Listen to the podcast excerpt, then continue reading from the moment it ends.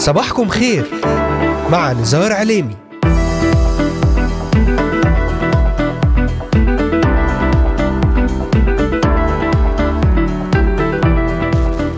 الخامس من شهر أكتوبر تشرين الأول للعام 2023 المستمعات والمستمعون صباح الخير. أهلا بكم في يوم جديد ومبارك ضمن الموسم الثاني من برنامج صباحكم خير معكم على الهواء مباشرة. نزار عليمي أهلا وسهلا بكم في إذاعتكم صوت الأمل. أرحب بمستمعينا من الأراضي المقدسة ومن بلدان الشرق الأوسط وشمال أفريقيا مستمعينا من سوريا لبنان مصر تركيا الأردن والعراق ليبيا اليمن السعودية والكويت مستمعينا من أستراليا أمريكا ألمانيا كندا والسويد والذين يتواصلون معنا ويتابعوننا على مختلف منصاتنا الاجتماعية لإذاعة صوت الأمل. أذكركم أنكم تستطيعون الاستماع إلينا ومتابعتنا من خلال تحميل تطبيق إذاعة صوت الأمل على هواتفكم النقالة بعنوان Voice of Hope Middle East أو عن طريق مشاركتنا في قناتنا على اليوتيوب بالبحث عن إذاعة صوت الأمل في بث حي ومباشر ومن خلال تحميل تطبيق آي تيون والبحث عن Voice of Hope Middle East وزيارة موقعنا الرسمي voiceofhope.com تابعونا على مدار هذه الساعة الصباحية ولأي سؤال أو استفسار تواصلوا معنا الآن.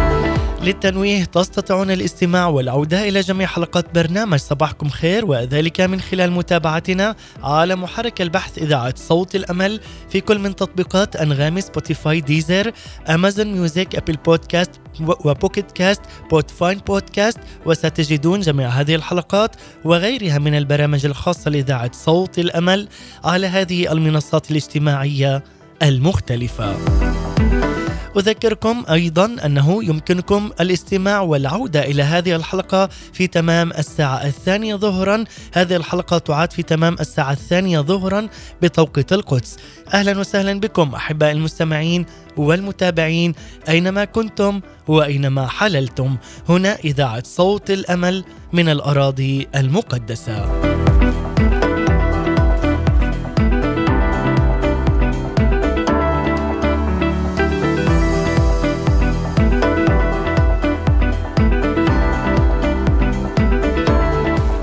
الروحيون يقرؤون سفر نشيد الأنشاد فيزدادون محبة للسيد الرب يسوع المسيح. أما الجسديون فيحتاجون في قراءته إلى مرشد روحي لئلا يسيء فهمه ويخرجوا عن معناه السامي إلى معان عالمية أرضية. هذا هو سفر الحب والمحبة الإلهية. نفهم منه أن الله منذ القدم كان يريد أن تكون العلاقة بيننا وبينه. هي علاقة مبنية على الحب والمحبة الكاملة. ولعل هذا واضح جدا مما ورد أيضا في سفر التثنية قائلا تحب الرب إلهك من كل قلبك ومن كل نفسك ومن كل قوتك. سفر نشيد الأنشاد يتحدث عن المحبة الكائنة بين الله والنفس البشرية وبين الله والكنيسة. في صورة من الحب والجمال الرائع. في صورة الحب الكائن بين عريس وعروسه.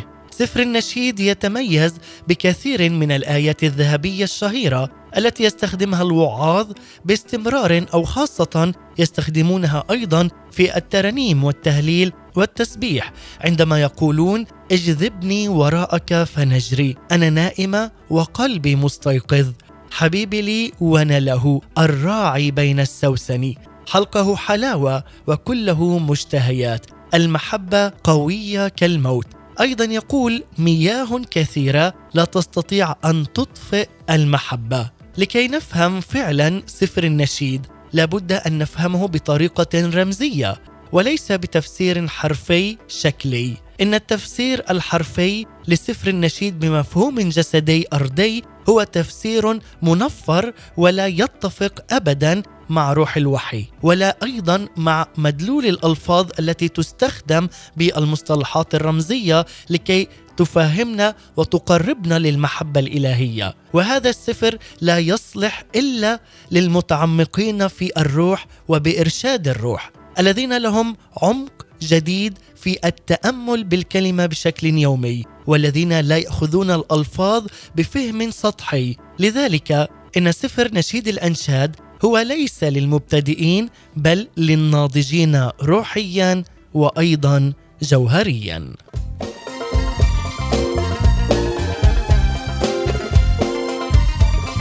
أهلا وسهلا بكم أحباء المستمعين والمتابعين.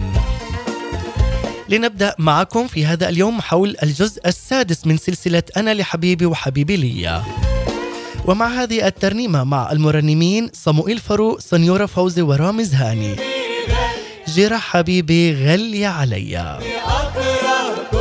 لنتمتع بجمال المحبة الإلهية. لكي نتحدث في هذا اليوم حول نشيد الأنشاد يعطينا مفهوما جديدا للمحبة الإلهية شماله تحت رأسي ويمينه تعانقني. للمزيد ابقوا معنا وتابعونا بعد هذه الترنيمة. قلبي اللي أحسن إلي.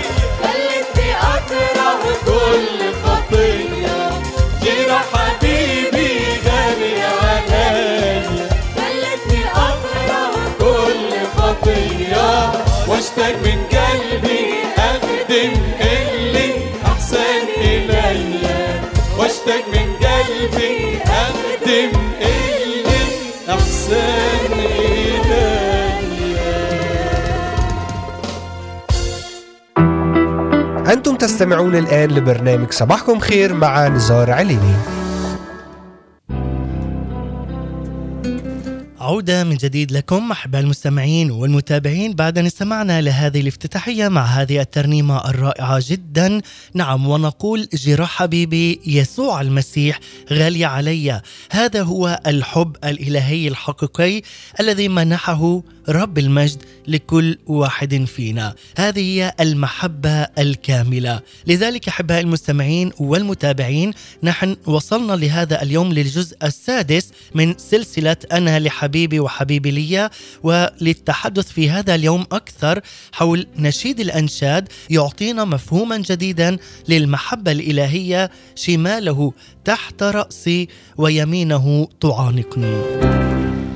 لذلك ترتكز رسالتنا في هذا اليوم على عدة آيات من الكتاب المقدس وخاصة من سفر نشيد الأنشاد الذي هو محور هذه الرسالة وذلك من خلال هذه السلسلة الجديدة التي بدأنا بها مؤخرا بعنوان أنا لحبيبي وحبيبي لي وذلك بعد أن انطلقنا بها كمقدمة لسفر نشيد الأنشاد وتحدثنا في الجزء الأول حول موضوع غيرة الرب على صهيون الجديدة لتكون عروسا مقدسة ونقية.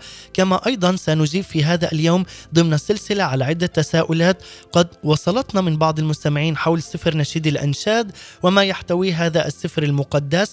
وأيضا في هذا اليوم سنراه بمنظور آخر ومختلف كليا وكيف هنا يربط السيد الرب يسوع المسيح هذه المحبة الإلهية كونه هو العريس بعروسه أي الكنيسة المصلية المفدية والمؤمنين الخاضعين له.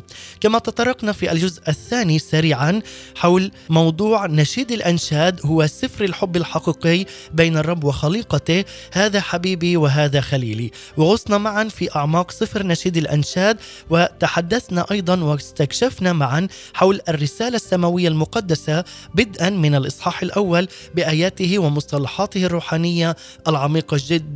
وفي الجزء الثالث تحدثنا حول نشيد الأناشيد هو سفر الغزل الروحاني المقدس فبطلها معلم بين ربوة. هنا أكملنا بهذا الجزء نهاية الإصحاح الأول بشرح الآيات المتبقية.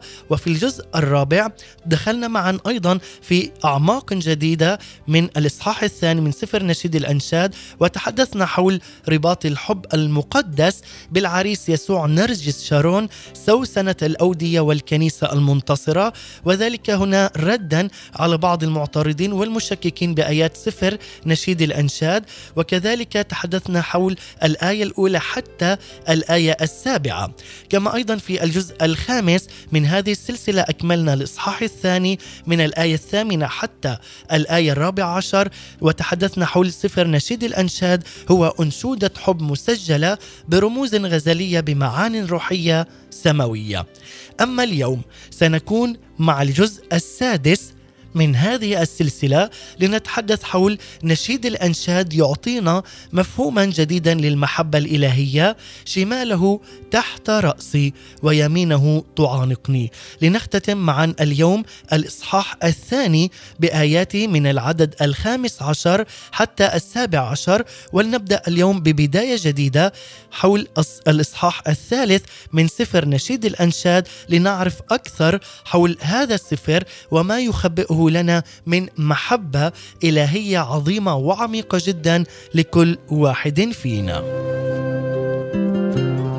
كما نحن نتعرف من خلال هذه السلسلة حول معنى المحبة الإلهية للإنسان وكيف أن الرب يسوع المسيح هو الذي بادر بهذه المحبة وهو الذي أحبنا اولا عندما بذل ابنه الوحيد يسوع المسيح لأجل فداء وخلاص البشرية.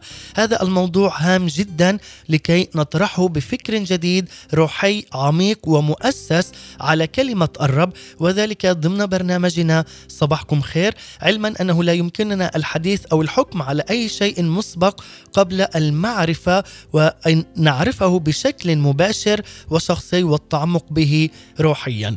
لذلك أدعوك عز المستمع للتمتع معنا بهذه الرحلة الشيقة والطويلة أيضا ولكنها جميلة والتي ستأخذنا في وقت سماوي روحي بمنظور جديد لحياتنا الروحية. كي نتعمق وندرس ونفهم معا سفر نشيد الأنشاد والأبعاد السماوية والمحبة الإلهية لهذا السفر. وهذا السفر هو مكون من ثمانية إصحاحات في العهد القديم من الكتاب المقدس لكاتبها الملك سليمان الحكيم. تابعونا وابقوا معنا ضمن هذه السلسلة كما وسنستمع من خلال هذه السلسلة لبعض الآراء والأفكار على الهواء مباشرة من مختلف بلدان الشرق الأوسط والأراضي المقدسة. كما وسنختار لكم في كل حلقة جديدة شخصية قيادية روحية لتجيب على فقرة سؤال جواب على سفر نشيد الأنشاد. أهلا وسهلا بكم أحباء المستمعين. أينما كنتم وأينما حللتم حللتم هنا إذاعة صوت الأمل أهلا بكم احباء المستمعين والمتابعين.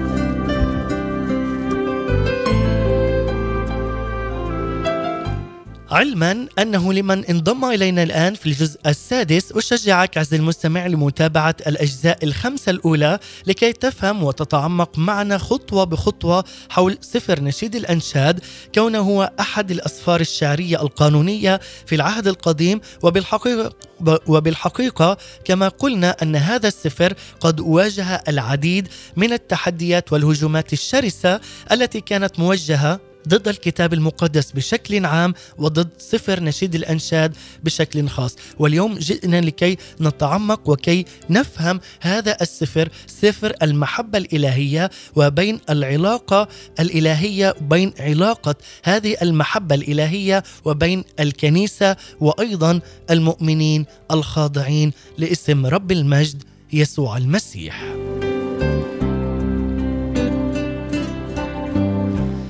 والآن أحبائي سنقرأ من الإصحاح الثاني لكي نتعرف أكثر على الآية الخامسة عشر حتى الآية السابعة عشر. يقول خذوا لنا الثعالب. الثعالب الصغار المفسدة الكروم لأن كرومنا قد أقعلت. حبيبي لي وأنا له الراعي بين السوسن. إلى أن يفيح النهار وتنهزم الظلال. ارجع وأش وأش وأشبه يا حبيبي الظبي أو غفر الأيائل على الجبال المشبعة. نعم عز المستمع عندما تقرأ هذه الآيات عليك فعلا أن تقرأها بروح الوداعة أن تقرأها بقوة الروح القدس لكي فعلا تأتي بتفسير روحي عميق لحياتك الروحية. ماذا يقصد هنا الثعالب الصغار؟ تكرار هنا كلمة الثعالب هي للتحذير. قال خذوا لنا الثعالب هذه في المرة الأولى والثانية الثعالب الصغار المفسدة الكروم. هنا الثعالب الصغار تدخل من الثقوب الصغيرة جدا فتفسد الكرم في بداية النمو. هذه هي الخطايا الصغيرة التي نسمح بها إذ نشعر أنها صغيرة. مثلا هذه كذبة بيضاء أو أصدقاء ظرفاء لكن كلامهم معثر ومشتت. فإبليس يقدم لنا الخطايا البسيطة ليقودنا للخطايا الكبيرة جدا. فيهدم هنا العلاقة الشديدة والمميزة مع الله. الخطايا الصغيرة لا تظهر إلا وسط الانتعاش الروحي. وهذا فعلا ما حدث لهذه النفس التي بدأت براعم الثمار تظهر فيها وعليها. الثعالب الصغيرة قد تكون الأفكار أيضا التي هي الخطوة الأولى التي تقود للخطية. الثعالب مشهورة أيضا بالخداع فما يقدم لهذه النفس يخدعها وهو إبليس. بأن هذه الخطية تكون صغيرة وبأن هذه الخطية لن تغضب الله فهذا جزء من الخداع. خداع إبليس بشهوة الخطية ولكنها للأسف هنا تأتي بإفساد كامل للكروم بإفساد كامل للأفكار للتصرفات وأيضا للعلاقات. أي تجعل هنا النفس تخسر سلامها حتى فرحها الدائم بعد أن كانت مليئة بثمار الروح. ونعلم نحن أن إحدى ثمار الروح هي الفرح.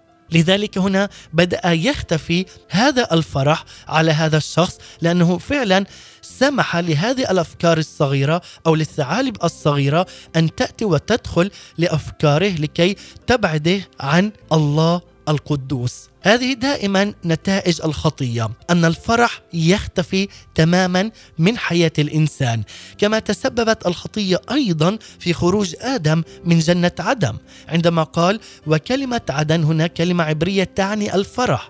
ولذلك عزيزي المستمع علينا أن نحذر من هذه الكلمات وأن ننتبه جيدا عندما يقول لنا خذوا لنا الثعالب الثعالب الصغار المفسدة للكروم. وهنا دلالة كبيرة على الخطية وتشتيتها لحياة المؤمن وأيضا لأفكار المؤمن. لذلك يقول هنا أيضا في الآية السادسة عشر حبيبي لي وأنا له الراعي بين السوسن. نجد هنا النفس قد استجابت سريعا لدعوة عريسها أي المسيح حين قال لها قومي يا جميلتي. هنا يقول حبيبي لي. أي النفس هنا اكتشفت ما قدمه السيد المسيح أن يكون عريسها لها فقط. فهو قدم نفسه بالكامل كما قدم لنا حياته بالكامل على الصليب لكي يفدينا وأيضا يعطينا الحياة الأبدية وغفرانا كاملا من الخطايا. هذا هو الإله الحي الذي فعلا قدم لنا كل شيء. فقالت وأنا له. عندما يقول حبيبي لي وأنا له. هنا ما أحلى أن نتقدم بهذه المحبة للعريس للمسيح كما هو قدمها لنا. المسيح قدم جسده لعروسه وهي تقدم لها أيضا حياتها جسدها أفكارها ذبيحة حية بالكامل. تقول أيضا الآية السادسة عشر الراعي بين السوسن وأنا له الراعي بين السوسن. ماذا يعني؟ إذا اجتمع اثنين أو ثلاثة باسمي يقول الرب فأنا أكون في الوسط. لاحظ عزيزي المستمع أن الكنيسة أصبحت هنا كالسوسن أي مثل عريسها فهي صارت على شبهه لذلك عندما نجتمع نحن كمؤمنين داخل الكنيسة نسبح الرب ونعطي له كل المجد ونجثو لاسم يسوع ونعطي له فعلا كل البركة والمجد والحمد والتسبيح ونلهج بكلامه في الكنيسة وأيضا خارجها نلهج بكلامه ليلا ونهارا فنكون فعلا الراعي بين السوسن. يقول عنا أي نحن السوسن أي نكون فعلا كشبه العريس الحبيب وهو رب المجد يسوع المسيح. ماذا تقول لنا الآية السابعة عشر وهي الآية الأخيرة من الإصحاح الثاني؟ يقول إلى أن يفيح النهار وتنهزم الظلال. الآن نحن هنا على الجبال المشبعة في هذا العالم أي في حياة التجارب والآلام. نحن هنا على الأرض مليئة الأرض بالتجارب الضيقات الآلام الاضطهادات الأمراض. وهنا تترجم جبال الانفصال. فنحن ما زلنا لا نتمتع بعريسنا بالكامل أي ما زلنا لا نقابله وجها لوجه. لذلك نحن نتواصل معه بالروح حتى يفيح النهار أي نهار الحياة الأبدية. هذا هو المقصود بأن يفيح النهار وتنهزم الظلال.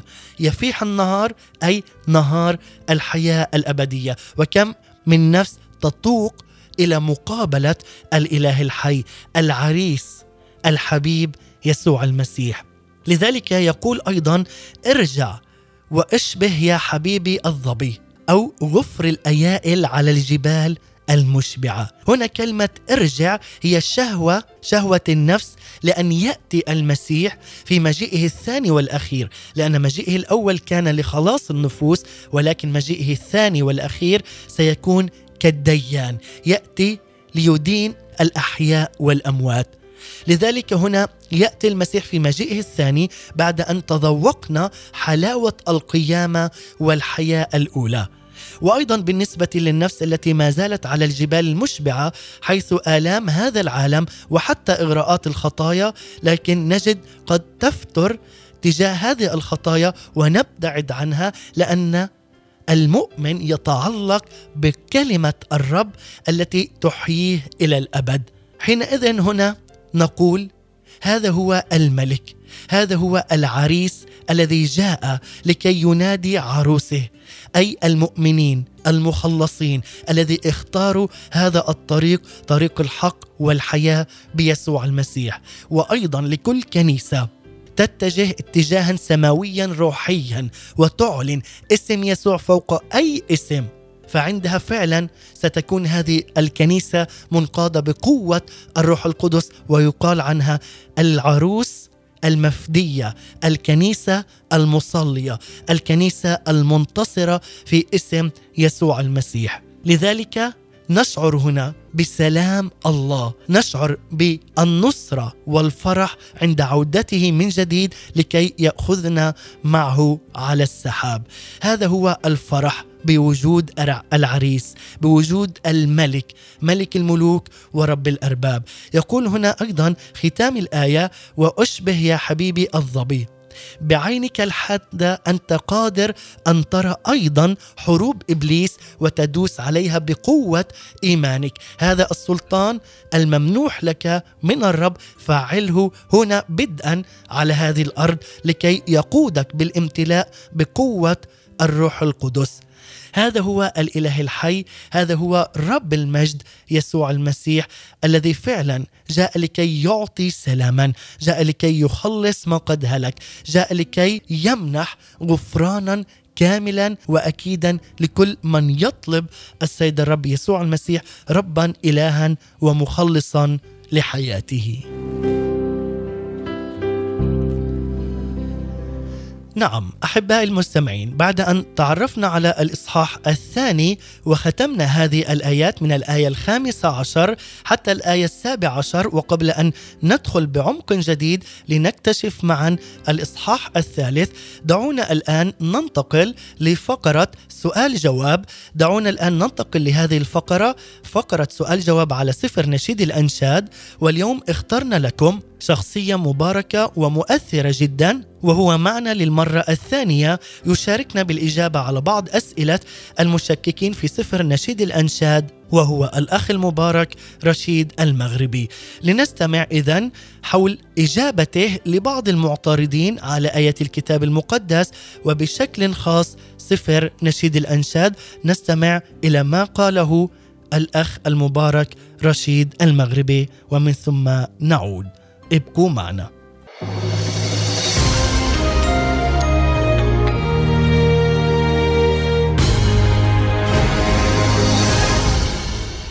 أسمع اعتراض المسلمين على نشيد الأنشاد وفي الحقيقة لا أفهم لماذا يعترضون. سأحاول في هذا المقطع أن ألخص مجمل الاعتراضات والرد عليها ببساطة وعقلانية بعيدا عن لغة المشاعر التي يرددونها. وللتذكير فقط هناك مدرستين تفسيريتين على الأقل لنشيد الأنشاد. هناك المدرسة الحرفية والمدرسة الرمزية. الاعتراض الأول أنه لا يليق بالله تعالى أن يتكلم بكلام الغزل، يقول المسلمون أن الله منزه عن أن يتحدث بكلام الغزل.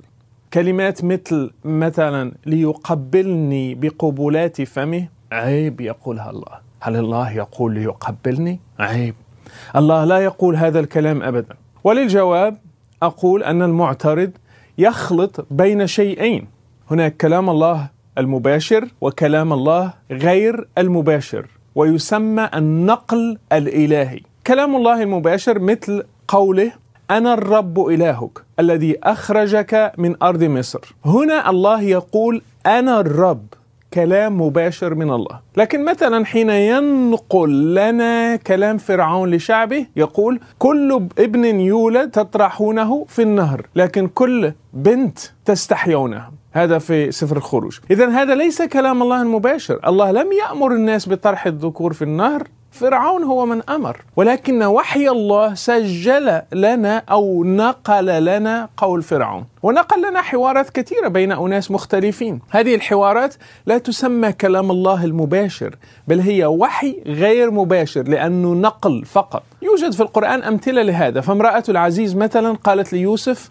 هيت لك. فهل هذا كلام الله؟ هل الله يقول هيت لك؟ لا طبعا. ففي نظر المسلمين هذا كلام الله نقلا لا مباشرة. يعني هو مجرد ناقل للحوار لا صاحب الكلمات نفسها. وقال على لسان قوم قارون مثلا إن الله لا يحب الفرحين. فهل الله قال في القرآن أنه لا يحب الفرحين؟ أم نقل لنا حوارا بين قارون وقومه؟ إذا المعترض يخلط بين اثنين بين الكلام المباشر والكلام المنقول هذا أولا فهل سفر نشيد الأنشاد هو كلام الله المباشر أم هو نقل لحوار بين اثنين؟ هو نقل لحوار بين اثنين بين حبيب وحبيبتي هل يجوز لله أن ينقل لنا حوارا بين اثنين مثل هذا؟ نعم يجوز إن قال المسلم لا يجوز فنقول له لقد نقل الله في نظركم حوارا دار بين امرأة العزيز وبين يوسف. فهي راودته مثلا يقول القرآن وراودته التي هو في بيتها عن نفسه وغلقت الأبواب وقالت هيت لك هيت لك كلمة جنسية. راودته عن نفسه كلمة جنسية تعني تحرشت به جنسيا. نقل لنا أيضا الكفر قول فرعون مثلا أنا ربكم الأعلى. هذا شرك.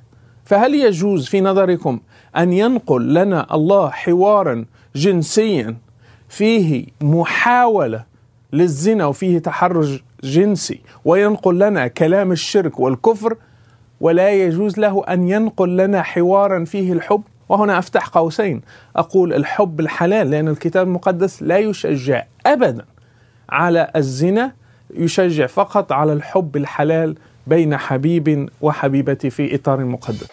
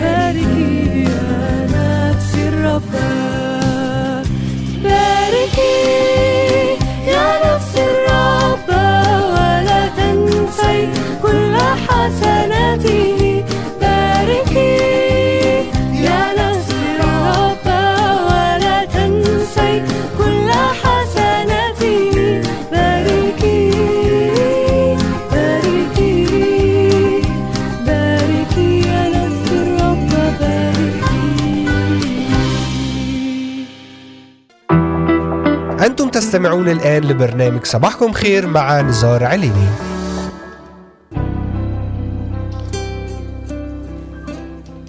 فعلا أخ رشيد عندما نعرف عمق وتحليل كلام السيد الرب المباشر وغير المباشر لكي نعلم أحبائي المستمعين أن إلهنا هو إله المحبة وفعلا الدليل الأعظم لمحبة الله للإنسان هو تجسد الإبن يسوع المسيح الذي جاء لكي يصالحنا مع الله الآب ليعطينا حياة وغفرانا كاملا لخطايانا وهذه فعلا المحبة المتجسدة التي ليس بالكلام بل بالعمل والحق. والآن أحبائي ننتقل إلى الإصحاح الثالث من الآية الأولى حتى الآية الخامسة لنتعرف أكثر حول هذه الآيات المباركة من سفر نشيد الأنشاد. يقول في الآية الأولى من الإصحاح الثالث: في الليل على فراشي طلبت من تحبه نفسي، طلبته فما وجدته. إني أقوم وأطوف في المدينة في الأسواق وفي الشوارع، أطلب من من تحبه نفسي طلبته فم طلبته فما وجدته.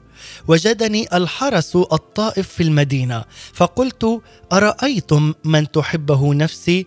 فما جاوزتهم إلا قليلا حتى وجدت من تحبه نفسي فامسكته ولم أرخه حتى أدخلته بيت أمي وحجرة من حبلت بي.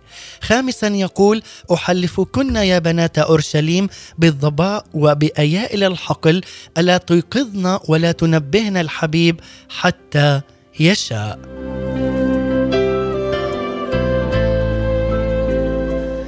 وفعلا عندما نقرأ هذه الآيات الرائعة جدا والمباركة يقول هنا في الإصحاح الثالث حدث هنا تراخ من النفس البشرية فمرت بتجربة مؤلمة لانسحاب عريسها وحبيبها عنها. ماذا يعني؟ في الآية الأولى تقول في الليل على فراشي طلبت من تحبه نفسي. في الليل أي وسط التجارب والضيقات وسط الخطايا والسقطات على الجبال المشبعة التي تحدثنا عنها سابقا. يقول هنا طلبت النفس عريسها ولكن عندما كانت على فراشها أي في تراخ ومن الطبيعي في هذه الحالة أنها لا تجده أي في بداية الإنسان الروحية يمر بلحظات ضعف وهذا أمر طبيعي. لكن في الآية الثانية ماذا يقول؟ إني أقوم وأطوف في المدينة في الأسواق وفي الشوارع أطلب من تحبه نفسي طلبته فما وجدته.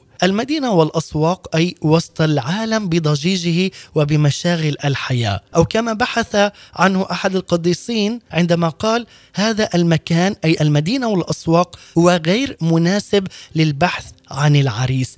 أي وسط ضغوطات العالم وضجيج العالم لا يمكننا أن نسمع إلى صوت العريس أو أن نسمع إلى صوت هذا الحبيب وهو يسوع المسيح. فمن أراد أن يقابل حبيبه ففي مخدعه سوف يجده أكيد. وفي لقاء شخصي سيكتشف أيضا هذا الحب العميق من الإله الحي لعروسه. لتقول هنا فما وجدته أي هذا كان متوقعا عندما بحثت في المدينة والأسواق. فلن تجد يسوع المسيح بين كل ضجيج العالم. لكن ماذا يقول لنا في الآية الثالثة من سفر نشيد الأنشاد من الإصحاح الثالث؟ يقول وجدني الحرس الطائف في المدينة فقلت أرأيتم من تحبه نفسي؟ هنا وجدني الحرس هؤلاء هم خدام المسيح أرسلهم لحبيبته الضالة لكي يرشدوها بدلا من ضياعها. فوجدوها وشرحوا لها فسألتهم عنه أرأيته؟ أرأيتم من تحبه نفسي؟ لذلك عز المستمع عندما نأتي ونبحث علينا فعلا أن نبحث عن المسيح في الأماكن فعلا مثل الكنيسة الروحية التي تطلب مجد المسيح التي تذكر اسم يسوع المسيح وتصلي في اسم ملك الملوك ورب الأرباب يسوع المسيح. علينا أن نبحث عن هذه الكنائس لكي فعلا تطلبه ما تحبه نفسي. أي لكي نطلب العريس وكي نطوق إلى هذا العريس ونلتقي به علينا فعلا أن نعرف إلى أين وكيف وإلى من نذهب. الآية الرابعة تقول فما جاوزتهم إلا قليلا حتى وجدت من تحبه نفسي. فعلا هنا عندما نأتي ونبحث عن السيد الرب يسوع المسيح من كل القلب سوف تجده حتما. تقول فامسكته ولم أرخيه عندما تأتي وتعلن إيمانك وتعلن نصرتك في السيد الرب يسوع المسيح فإنك لا تريد أن تترك هذه المحبة لا تترك هذا السلام الذي قابلته في حياتك لأنه هو رئيس المحبة والسلام. عندما تتلاقى مع المحبة ومع السلام أتريد أن ترخي وأن لا تمسك بهذا الشيء؟ بالطبع لا. عليك أن تتمسك بهذا الأمر جيدا. لذلك مع سؤالها كانت لم تجده بعد عندما قالت فما أن جاوزتهم إلا قليلا هي دخلت في خبرتها الخاصة مع حبيبها داخل مخدعها واختبرت صدق ما قاله لها الخدام. هي لم تتعلق بالخدام بل طلبت العمق أي عمق الخبرة الشخصية. وهنا نلاحظ أن السيد الرب يسوع المسيح موجود دائما قريبا من وسائط النعمة. والآن وجدته ولكنها فعلا كانت ذكية جدا فأمسكت به أي استمرت في علاقتها معه في الشركة والحديث معه. وهذه اللغة التي تتملك بالمحبة ما بين الله والإنسان. هنا تقول ولم أرخه أي لم تعد للتراخي لم تعد للأسواق وأيضا لم تعد لهذه المدينة.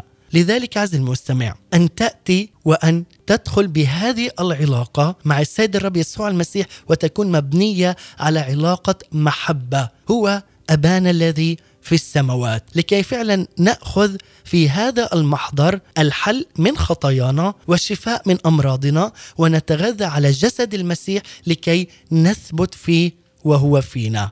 لذلك يقول أيضا في الآية الخامسة أحلفكن يا بنات أورشليم بالظباء وبأيائل الحقل لا تيقظن ولا تنبهن الحبيب حتى يشاء. هنا تقول للمرة الثانية تتكرر نفس الآية فبالتوبة تستعيد النفس أفراحها تتذوق من خلال التوبة العلاقة المباركة والمقدسة مع العريس أي المسيح في حياة الصلاة وخاصة في المخدع هذا الوقت المبارك. لذلك فلا تريد أن يزعجها أي شيء أو أي شيء من هذا العالم تريد أن يشغل بالها وفكرها وحياتها إلا رب المجد يسوع المسيح. هذه احباء المستمعين والمتابعين الآيات من الآية الأولى حتى الخامسة وتعريفها بالشكل الصحيح في الإصحاح الثالث من سفر نشيد الأنشاد.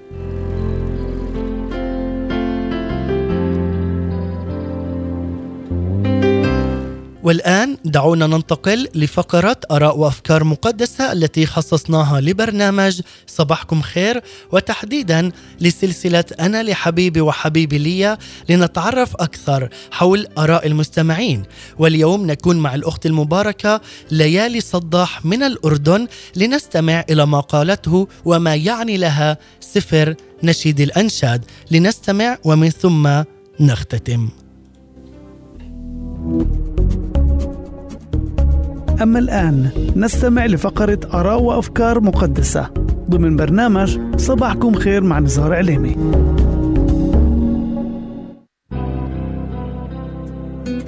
سلام المسيح معكم أختكم ليالي سطاح من الأردن. تحية لجميع مستمعي إذاعة صوت الأمل بالأراضي المقدسة. حابة أشارككم بالنسبة لإلي سفر نشيد الأنشاد.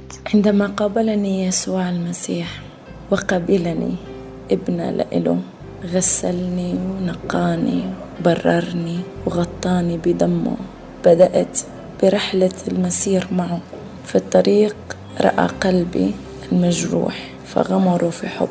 كانت من أحلى اللقاءات مع المسيح المحبوب مع عريس الكنيسة مع شافي المشاعر وشافي القلب الذي يرد القيمة ويرد الكرامة ببيلسان محبته يشفي الجروح في 2019 تكلم لي حبيبي بكلمات حب من سفر نشيد الأنشاد. هذا السفر فيه له نكهة خاصة في شركة مع الرب. غمرني بسيادته غمرني بسلطانه غمرني في جبروته في لطفه في وداعته في حبه الحب المقدس الحب الأزلي الأبدي. أرى في سفر نشيد الأنشاد شافي الجروح رد سبي المشاعر والعواطف والقيمة والكرامة. رفع الرأس بالقبول والحب. عندما قال لحبيبته كلك جميلة يا حبيبتي وليس فيك عيب. دموع غزيرة سقطت من قلبي وانذرفت من عيوني عندما اعترف عريسي بأنه لا يرى في عيب. سفر نشيد الأنشاد بالنسبة لي خادمي للرب ببساطة تقابلت مع الملك تقابلت مع من مد لي صولجان رضاه في محبته من بادر في قبولي من ساتر عيوبي. من أدخلني إلى جنته. ووجدت في سفر نشيد الأنشاد إخوة وأخوات محبوبين ومحبوبات. هذا سفر بقدر ما يتكلم بصفة شخصية ويلمس القلوب إلا أنه سفر يجمع العروس. عندما بنات أورشليم تحتفل في سيادة وفي حضور هذا الملك المحبوب هذا العريس عندما تنادي عروس الأنشاد وتدعو الجميع أن يحتفلوا معها في هذا المحبوب فأرى فيه الكنيسة أرى فيه القبول الإلهي أرى فيه الشركة الخاصة في المخادع أرى فيه الخلوة الشخصية أرى فيه البوابات المفتوحة لأولاد وبنات الرب. يدخلوا ويجدوا مرعى يجدوا شفاء يجدوا حب يجدوا قيمة. أرى فيه أن بإمكان كل من يقبل المسيح يتمتع بالشركة الملكوتية ونحن لازلنا على الأرض. بسفر نشيد الأنشاد وصفة العروس مللها ووصفة كسلها ووصفة تعبها لكن حول نظره عنها بررنا ونقانا. لكن منكسل للشركة معه. أرى في هذا السفر هذا المشهد من الفتور من اللهو في الحياة إلا أن جاذبية الحب وراء العريس تقوم وتبحث عنه. العروس وتمسك به ولم ترخيه في اتصال رهيب بين العريس المسيح يسوع والكنيسة بين الأب المحب الابن الباذل الغافر الإثم والخطية. الروح القدس العامل في القلوب جاذبني وجاذب كل بنت وولد من أولاد الرب وبنات الرب إلى حضن الآب. بشوف الصدق في المسير. بشوف لوم الروح القدس اللي رابطنا في شخص الآب في شخص الإبن. لما قامت العروس من راحتها وبحثت عن العريس في الشوارع مع الذل مع الإهانة مع التيهان لكن وجدته وعندما وجدته دخلت في حب من جديد وكأنه سقطتها لم ترى ولم تحسب لأن الحب الغافر فياض ودفاق إلى النهاية. فهذا هو حبيبي وهذا هو عريسي وهذه عروس المسيح مع ملكي وخالقي وإلهي. أسمى جدا من أي علاقة. كما علمني كيف أحب زوجي كيف أعطيه الحب مثل ما بيحكي بكورنثوس بيقول المرأة تهب رجلها. نعم في قداسة في الزواج فهذا السفر يحمل بعدين. بعد القداسة الزواج والوحدة في الجسد الواحد بين الرجل والامرأة في الأرض وإمكانية الانسجام بالروح والفكر والشركة بين الرجل والامرأة وقداسة الحب وبين الصورة الأسمى الفردية الشخصية الروحية بيننا وبين خالقنا. فسفر نشيد الأنشاد نقلني إلى وعي إلى إدراك إلى هوية إلى متانة في الشركة مع خالقي ومتانة في الشركة مع عريسي وأيضا اتساع وعيون جديدة مع شريك حياتي. نعم إحنا من أسمى ما يمكن أن نحصل عليه أن نكون أولاد الله. سلام المسيح والرب يبارككم.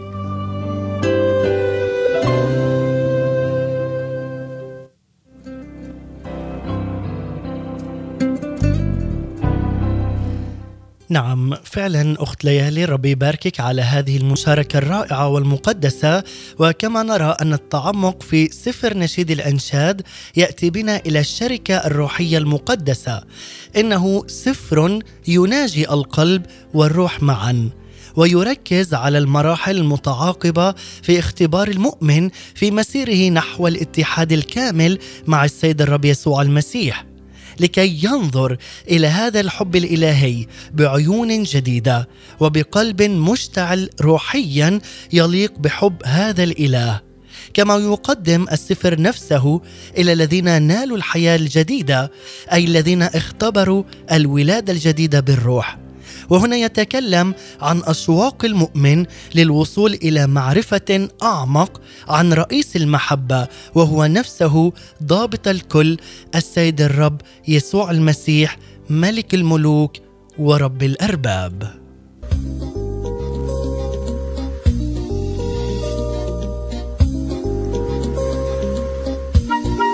ونختتم معكم بهذه الترنيمة مع المرنمة فادية أنا جيت سلمتك قلبي. نلتقي في نفس الزمان والمكان الأسبوع القادم مع الجزء السابع من سلسلة أنا لحبيبي وحبيبي لي ضمن برنامج صباحكم خير. أتمنى لكم نهاية أسبوع سعيدة آمنة ومباركة. هذه تحيتي لكم مني أنا نزار عليمي. سلام المسيح إلى اللقاء.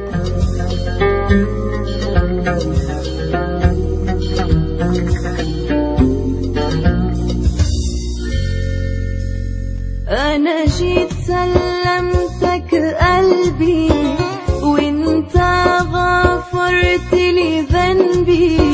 أنا جيت سلمتك قلبي وإنت غفرت لي ذنبي. معاك همومي أفرح وياك على طول. معاك همومي بتزول. أفرح وياك على طول. ما أقدرش أعيش من غيرك. يا راويني يا يسوع من خيرك. ما أقدرش أعيش من غيرك. يا راويني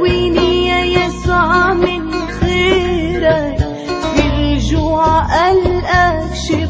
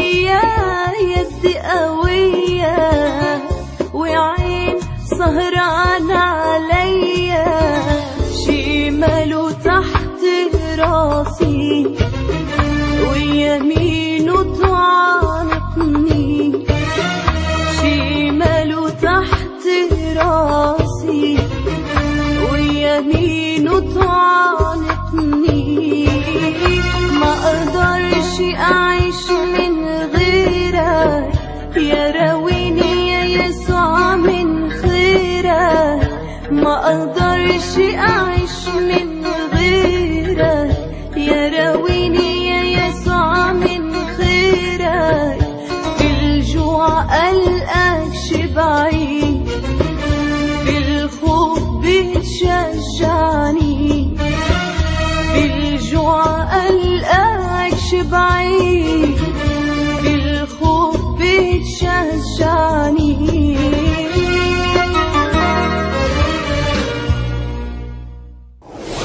قال يسوع السارق لا يأتي إلا ليسرق ويذبح ويهلك وأما أنا فقد أتيت لتكون لهم حياة وليكون لهم أفضل أنا هو الراعي الصالح والراعي الصالح يبذل نفسه عن الخراف Jesus said, The thief comes only to steal and kill and destroy.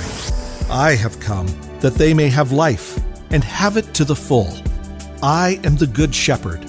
The good shepherd lays down his life for the sheep.